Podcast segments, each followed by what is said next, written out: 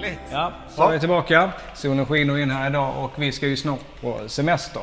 Och förhoppningsvis ska ni också ha en härlig semester. Innan det så tänkte vi ta ett kort avsnitt där vi bara pratar om de saker och de ämnena som vi har haft uppe under våren och vad, som, vad de har handlat om. Så om vi eh, börjar titta tillbaka på ett av de här ämnena som, eh, är en, eh, som dyker upp i många avsnitt så är det ju AI och bottar inom, inom kundservice. Då. Och om man jämför med vintras, Jan, vad har hänt under våren inom det här? Alltså intresset är fortfarande lika stort, om inte större. Det vill säga många företag och organisationer vi pratar med är intresserade av AI och, och bottar och planerar att införa den typen av funktioner. Eh, Det glädjande är att det har skett en tillnyktring i synsättet på hur och, och när man ska använda en, en, en bot. Det vill säga att man går ifrån lite grann det här som man började med, att den ska kunna svara på alla möjliga frågor, FAQ-bottar, eh, som krävde enormt mycket träning, en massa tid eh, och som egentligen aldrig löste ärendet. Nej. Därför att det är fler och fler företag upp, upptäcker och det vi flaggade för väldigt tidigt det är att det är ett antal processer, ett antal kundärenden som oftast är dominerande. Och att kunna fånga dem och hantera dem från, från, eh, från början till slut ger otroligt mycket mer. Så fokuserar man kanske på tre olika ärendeprocesser eller ärenden istället för, för, för 300 olika ty- frågetyper. Så kommer man eh, väldigt långt. Så det är kul, en tillnyktring inom AI och bottar. Det har tillkommit bättre verktyg för att träna AI och bottar. Och vi har blivit eh, lite klokare i också hur vi ska använda tekniken. Okej, ja, intressant. Ja, vi följer, fortsätter följa er under, under hösten här. Eh, en annan sak som vi har märkt eh, väldigt mycket frågor och förfrågningar kring ute hos våra kunder. Det är ju bokade digitala möten. Det ska sägas, det handlar inte om att genomföra ett Skype-möte utan det är också lite fokus på bokade digitala eh, möten. Och Jan, vad, vad handlar, handlar det om? Men det handlar ju om att, eh, att eh, erbjuda ett annat sätt att möta kompetenser och resurser i företag och organisationer.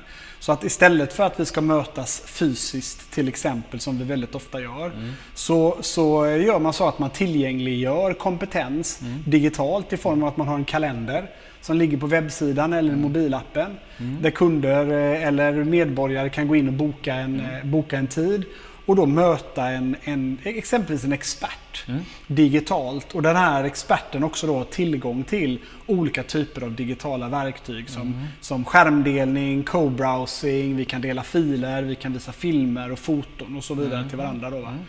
Eh, och det gör att, eh, att företag som till exempel jobbar med, med, med råd, rådgivning får ju ett jättestarkt verktyg här. Man kan dela pensionsberäkningar, pensionsplaner.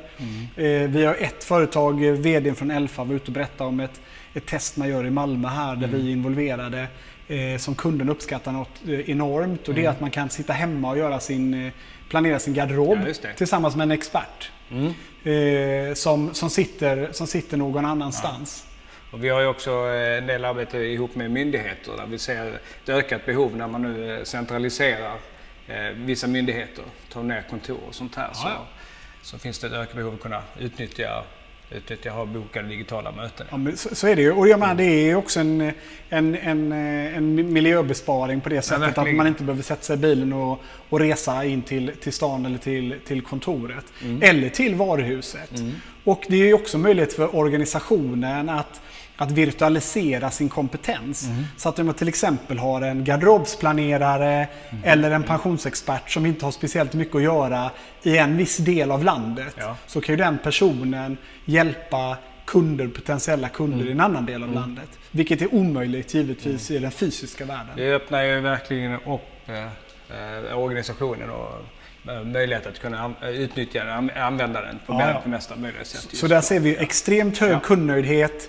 Vi ser extremt hög konverteringsgrad Mm. om det är så att man säljer produkter och tjänster. Men också om man är en kommun, bygglovsärenden. Mm. Istället för att åka in till kommunhuset och, och sitta och vänta med, Ja, med bygg, Ja, bygglovshandläggaren. Ja, precis, ja. Vi kan dela kartor och bilder och filmer och så Ja, vidare. då ska man sitta i solstolen istället ju nu under sommaren. Precis. Mm.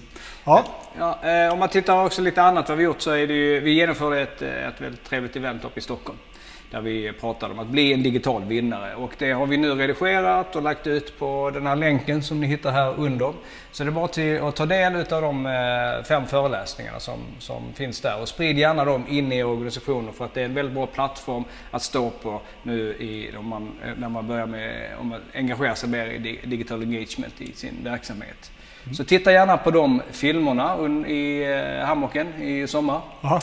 Så får ni ha det så bra så ses vi väl i augusti skulle jag tro. Det hoppas vi. Ja. Ha en trevlig sommar allihopa. Hej då.